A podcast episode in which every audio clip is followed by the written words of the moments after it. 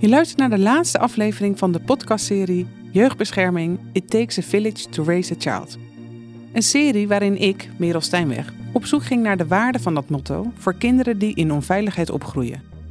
En in deze laatste aflevering kijk ik met vijf luisteraars, een hulpverlener, wethouder, beleidsontwikkelaar, kwartiermaker en bestuurder van Jeugdbescherming Gelderland, terug op de serie om te horen wat hen heeft geraakt, of verbaasd, bevestigd, ontroerd of kwaad gemaakt. En mocht je de serie nou nog niet hebben geluisterd, dan kan ik je dat persoonlijk aanraden. En vooral om dat te doen voordat je naar deze laatste bonusaflevering luistert. En allereerst bel ik Mirjam, waar je in aflevering 3 al over hebt gehoord. Want daarin vertelt Michelle, die al op zeer jonge leeftijd uit huis is geplaatst en Mirjam als voogd kreeg, namelijk het volgende over haar. En zij keek eigenlijk in, uh, door haar ogen naar ons van wat zou ik doen als mijn dochter dit vroeg. Dus zij, uh, zij keek gewoon echt naar haar moedergevoel. Ik ben dus de Mirjam waar Michelle het over heeft. Mijn doel is ook altijd dat ik de kinderen het gevoel geef dat ze geen cijfertje zijn, maar dat ik ook met hun omga, net alsof ze mijn kinderen of mijn neefjes of nichtjes waren. Dat vond ik ook heel mooi dat Michelle precies dat zei. Daar uh, strijd ik eigenlijk wel altijd voor van um, in plaats van de professionele afstand, hè, die, die wordt best wel benadrukt, ook in ons werk, en die snap ik ook wel. Maar ik kijk liever naar de professionele nabijheid. En naar van, oké, wat heeft een, een kind, een jongere, uh, maar ook ouders natuurlijk, maar wat hebben ze nou echt nodig? Wat, wat vraagt dat van mij? En ja, soms moet ik daarin ook een stukje van mezelf geven op een goede manier. Wel, hè, je moet wel goed over nadenken. Maar uh, ik wil hun wel altijd het gevoel geven dat ze voor mij geen nummer zijn. En dat het gewoon mensen zijn die, uh, die allemaal hun stinkende best op hun manier doen. En die allemaal, ook de ouders, dat ze ontzettend van hun kinderen houden. Maar dat het ze soms niet lukt, door wat voor omstandigheden dan ook. Maar dat maakt hun nog niet minder als ouder.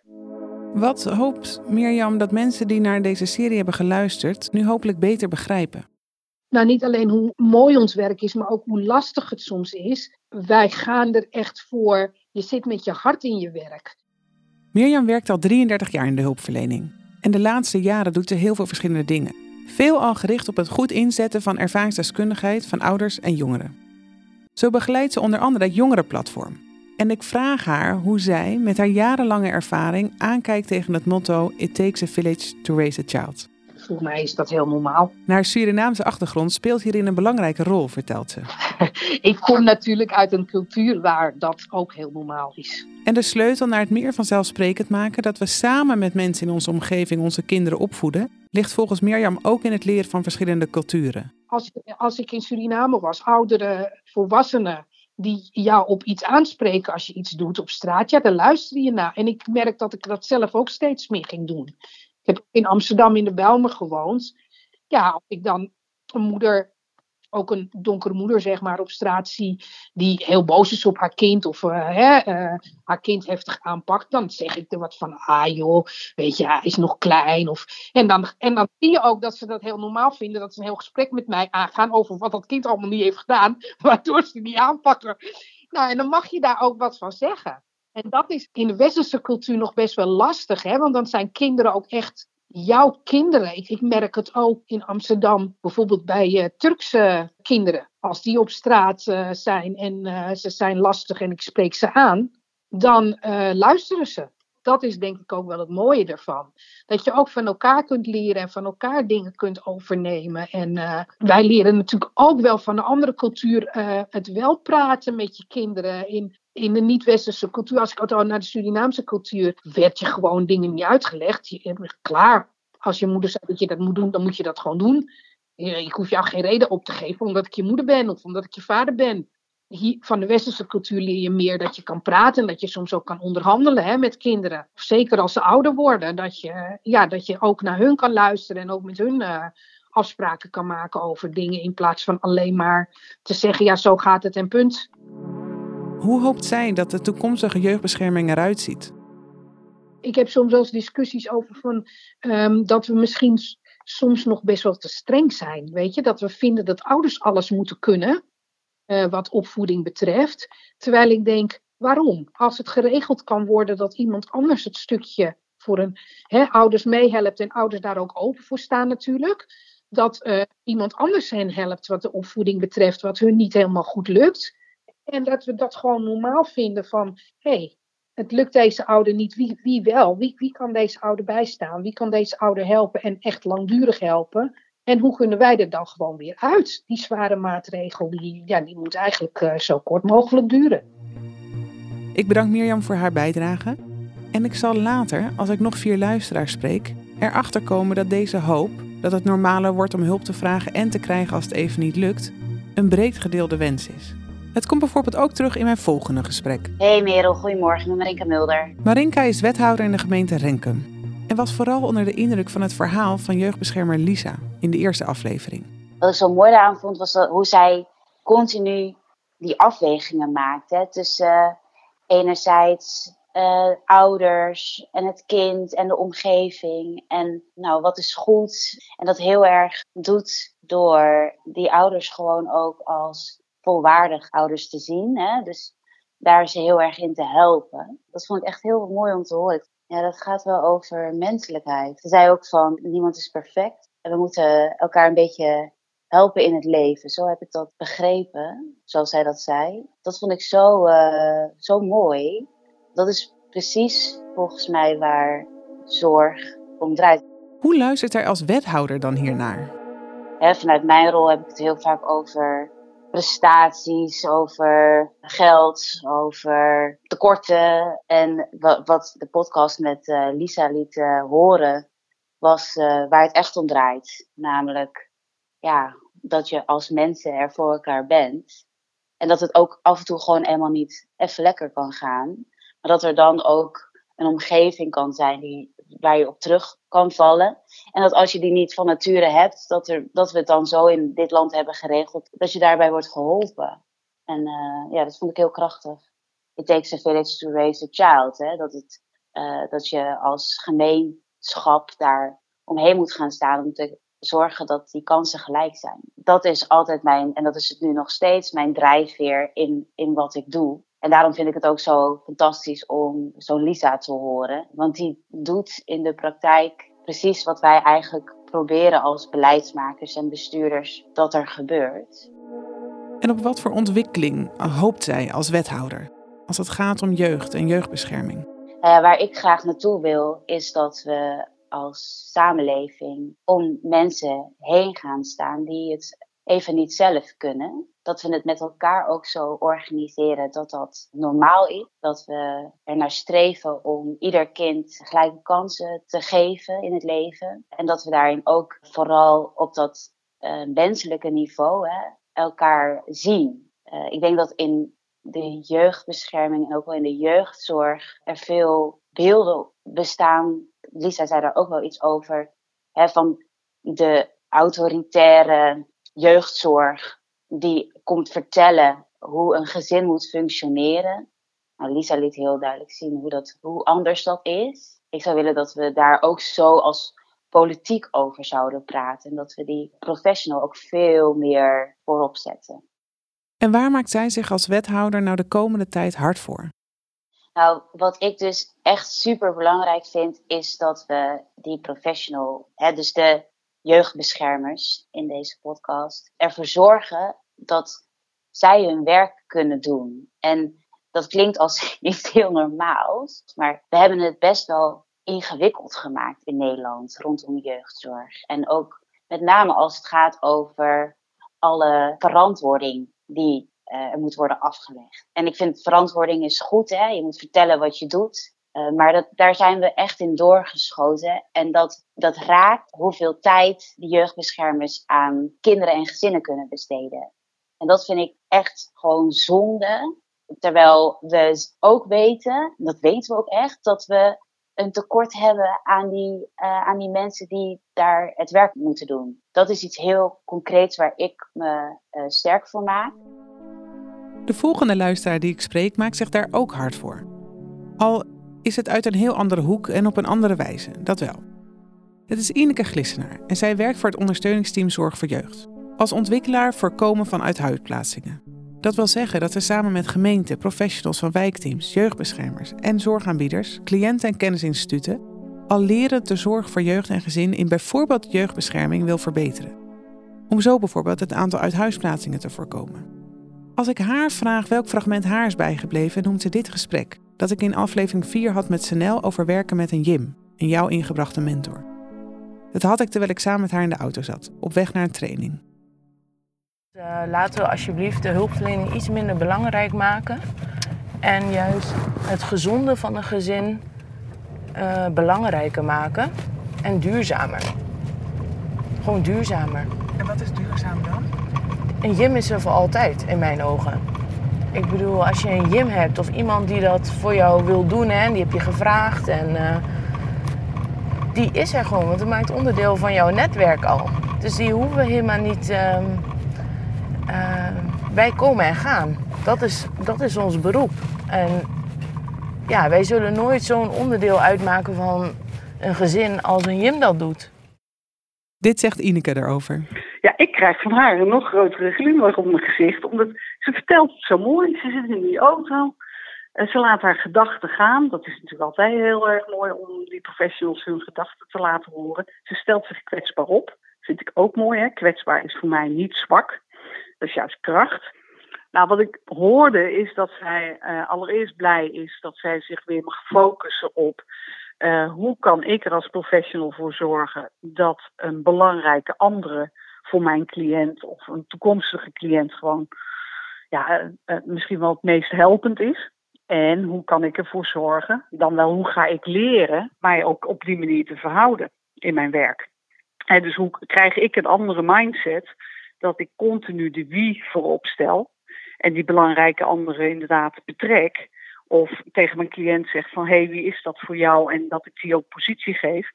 Ja, gewoon de blijdschap in haar stem, in die podcast, was zo mooi om te horen. Want dat is voor mij natuurlijk het mooiste voorbeeld als ontwikkelaar. Om weer mee te nemen naar anderen. Van hey, deze kant willen we op, deze beweging willen we maken. Iemand zet zich er nu voor in en die wordt er zelfs heel erg blij van. Ja, hoe mooi kan je hem hebben? Die verandering van mindset, die beweging naar vanzelfsprekend samenwerken met mensen uit de eigen omgeving van gezinnen, daar zet Ineke zich vanuit haar rol dus voor in. Zowel uh, door met professionals van welke aard dan ook te werken en met de gemeente te werken aan het inrichten van leertuinen. Hoe kan je ervoor zorgen dat je als professionals, waar uh, gezinnen met complexe vraagstukken uh, nodige hulpvragen hebben, dat te koppelen aan die vertrouwde bekenden daar komt natuurlijk meer bij kijken dan alleen maar een, een, een gymtraining of een, wat voor andere training dan ook. Uh, dan moet je natuurlijk tussen de gemeente en die instellingen ook over die financiën hebben. Hoe ga je dat regelen? Uh, welke opleiding? Hoe financier je dat? En ga zo maar door. Uh, en ook vooral weer van elkaar leren. Hey, daar nou, voorkomt het zoveel dreigende uithuisplaatsingen. Heel belangrijk, want daar willen we naartoe. Vooral voor de, voor de jongeren. Uh, maar ook aan de andere kant door ontwerpsessies te doen uh, in het land of uh, met een aantal landelijke partijen om te kijken hoe kunnen we nu weer het samen naar elkaar omkijken vergroten. Een voorbeeld, hoe kunnen we ervoor zorgen dat zo'n belangrijke andere bijvoorbeeld straks mee mag naar een rechtszitting waar het om minderjarigen gaat. Bijvoorbeeld nu mag dat niet. Er mag de voogd erbij zijn, de biologische ouder en het kind zelf maar niet die belangrijke anderen. Kunnen we er misschien voor zorgen, omdat we weten dat het zo waardevol is, dat dat mag. Maar ook breder. Hè? Dus uh, in, de, in de ruimste zin des woords gaan we op zoek naar ideeën met elkaar, uh, bestaande oplossingen, uh, nieuwe ideeën, om zeg maar inderdaad te kijken hoe kunnen we dat omkijken naar elkaar vergroten, omdat we uit onderzoek weten dat dat een van de, de, ja, de meest beschermende factoren is om, uh, als je iets is overkomen in je jeugd, om dat, uh, nou ja, zeg maar, dat steunend te laten zijn, dan wel om juist uit de problemen te blijven. Even tussendoor. Doordat ik Mirjam, Rinke en Ineke hoor over wat hen is bijgebleven van de podcast, zet me dat zelf ook weer aan het denken. Wat is mij nou bijgebleven? En dat is best moeilijk om iets te kiezen, want er zat voor mij heel veel waardevols in. Maar met name de gesprekken met jongeren en ouders die ik had, die ze openhartig vertelden over hun ervaringen, raakten me bijzonder. Allemaal op een eigen manier. En dit fragment van Xavi, waarin hij vertelt dat hij bij een vriend mag gaan wonen toen hij op straat terechtkwam, daar heb ik nog vaak aan teruggedacht. Vooral ook aan de moeder van die vriend, die haar huis openstelde. Omdat ik door Xavi besefte wat voor groot effect zo'n gebaar heeft. En iets wat iedereen, inclusief ikzelf, dus gewoon kan doen. En dit zegt Xavi als ik hem vraag wat nou het belangrijkste is, wat die moeder van die vriend deed. Ja, ze, ze probeerde niet echt een moeder te zijn, maar wel een, een goede steunpilaar voor mij. Waar ik gewoon mijn ei kwijt kon en waar ik gewoon kon praten. En, en eigenlijk degene die, die vragen stelde over hoe is het nou met jou en hoe voel jij je daarbij en wat denk jij dat jij kan veranderen aan die situatie. Ja, ik weet wel dat ik er altijd terecht kan als er iets gebeurt of, of als ik ergens over spraken. Of, of ik tegen problemen aanloop of gewoon koffie wil drinken. Maar dan nog even terug naar de twee laatste mensen die ik sprak voor deze aflevering. Niels Naaldenberg en Arno Lelyveld. Niels werkt als beleidsmaker voor Jeugdbescherming Gelderland en is kwartiermaker van het Inverbindingsteam, dat samenwerkt met JIMS. Daarover kon je horen in aflevering 4. En hij is ook ambassadeur van het expertteam Overleg Passende Hulp in regio Rijk van Nijmegen. Waarin professionals vanuit verschillende organisaties samenwerken bij gezinnen met complexe problemen. Niels brengt, kort gezegd, nieuwe samenwerking in Gelderland tot stand. En over de podcast zegt hij het volgende. Wat mij het meeste bij, is gebleven is zeg maar uh, die uitdrukking waar dit hele allemaal om gaat. Hè? It takes a village to raise a child. En uh, ja, dat kun je op zoveel dingen plakken. Het gaat over samenwerken, uh, maar ook samenwerken op cliëntniveau, samenwerken op beleidsniveau en samenwerken op bestuurlijk niveau. Het gaat niet om geld, het gaat niet om belangen, het gaat niet om de nut en noodzaak van jeugdbescherming. Het gaat om die kinderen. Daar gaat het om. Ik heb, ik heb, jarenlang heb ik echt, uh, was ik een beetje eh, de waakhond van de jeugdbescherming. Hè? En ik merk, merk dat ik gewoon van dat paard af ben. Ik stond altijd heel erg op voor het belang van de jeugdbescherming. En dat deed, deed ik in ondersteuning en dat deed ik in, regelen van dingen. En soms liep ik tegen weerstand. Heel veel mensen vinden ook iets van jeugdbescherming. En ik was dan altijd best wel nou ja, direct. En ik ben er wel, wel, een beetje achter gekomen dat die houding dat dat niet genoeg is. Zeg maar. Je moet meer doen in samenwerking, wil je echt van waarde zijn voor, uh, voor kinderen. Het belang van mijn organisatie, ja, daar is een kind echt niet mee bezig. Natuurlijk is het belangrijk dat wij, uh, dat de mensen die voor Jeugdbescherming Gelderland werken, goed hun werk kunnen doen. En dat is heel belangrijk, hè. Maar uiteindelijk is het het belangrijkste dat eh, kinderen krijgen wat ze nodig hebben. Het liefst gewoon thuis. In een village, zeg maar. Maar ook, ook het uh, veld waar ik, me, uh, waar ik me in begeef, is ook een soort van dorp. Je moet iets met elkaar. Of je nou wil of niet. En je kunt heel erg uh, gaan redeneren vanuit van nou, dit is mijn stukje en dat is jouw stukje. Maar ik denk niet dat we er daarmee komen.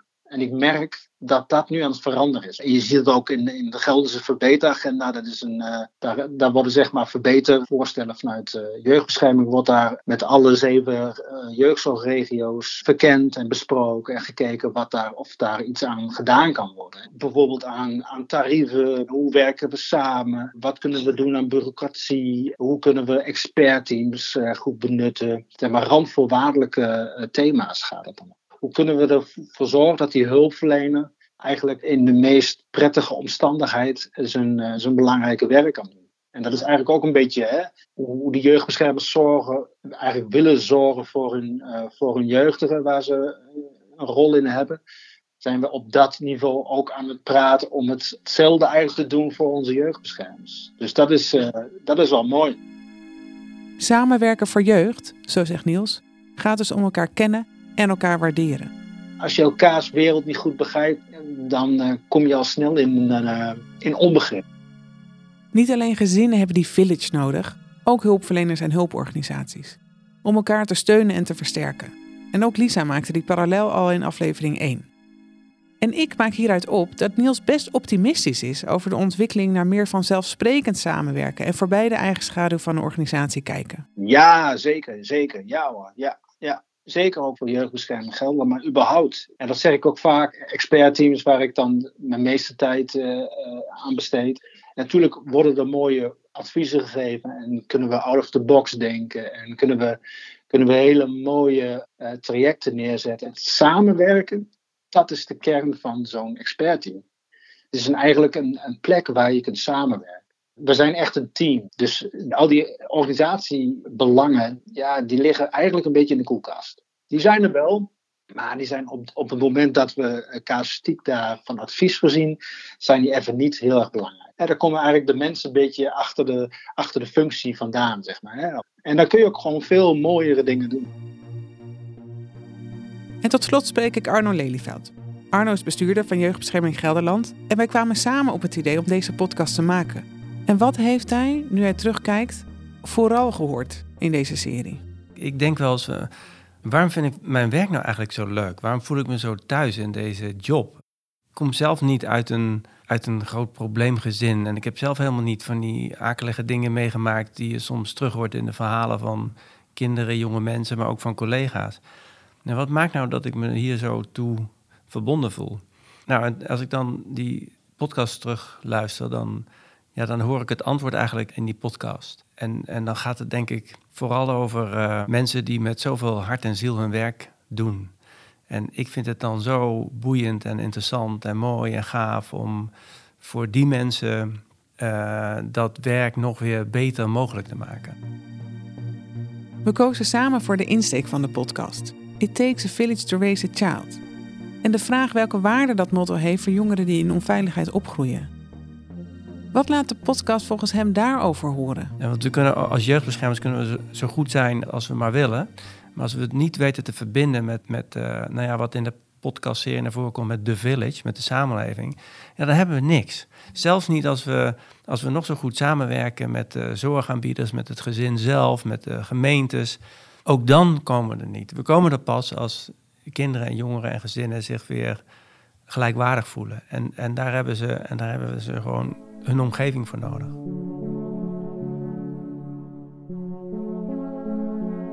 Ik, ik was eens um, bij een leefgroep uh, ergens in, in Rotterdam jaar geleden.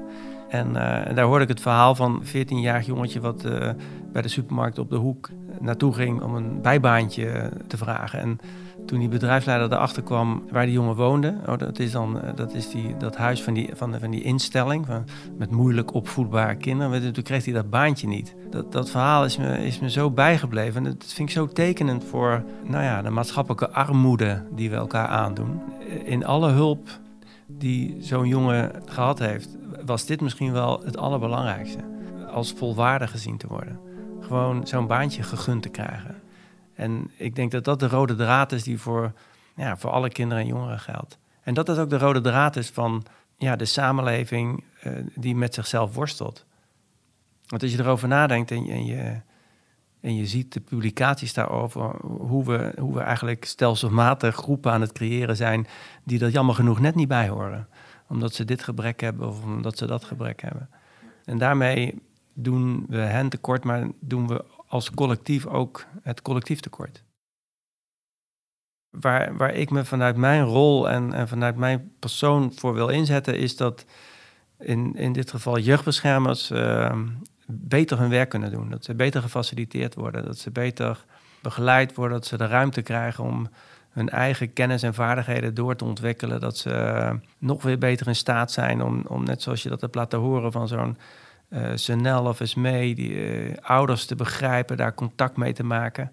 En dat dat hen steeds beter lukt, dat dat hen ook steeds beter lukt in hele moeilijke situaties. Daar zou ik echt uh, voor willen gaan. En, en het andere is, dat is die aansluiting met The Village. Ik hoop dus dat, wat ik net eigenlijk al zei, dat mensen, dat iedereen in de samenleving beter gaat begrijpen hoe dat werkt tussen ouders, kinderen en hun omgeving. En dat zij ook verantwoordelijk zijn voor het veilig opgroeien van jonge kinderen in hun omgeving. Niet alleen van zichzelf, niet alleen van hun familie, maar gewoon van, van de buurt, van, van de kinderen en de jongeren op straat. En, en dat betekent om te beginnen dat je ze ziet en dat je ervoor open staat. En nu zien we vooral wat er niet goed gaat en dan willen we dat dat tegen opgetreden wordt. En straks, dan zien we hoe kinderen en jongeren en ouders in de knel onze aandacht nodig hebben. En dan beginnen we daar. En dan lossen we die, die knelpunten, die lossen we wel op. Dit was hem, de laatste aflevering van deze podcastserie. Ken je nou nog mensen die de serie ook echt moeten luisteren? Stuur hem vooral door. En er valt nog zoveel meer te zeggen voor die collectieve aandacht voor alle ouders en kinderen in onze omgeving. En ik ga daar op mijn manier mee verder, door nog meer verhalen te delen. Deze serie maakte ik in opdracht van Jeugdbescherming Gelderland. Bram Knies deed voor alle afleveringen de muziek en de mixage, waarvoor veel dank. En ben je nieuwsgierig geworden naar wat ik nog meer maak? Dat vind je op www.merelsteinweg.nl. Bedankt voor het luisteren en een fijne dag nog.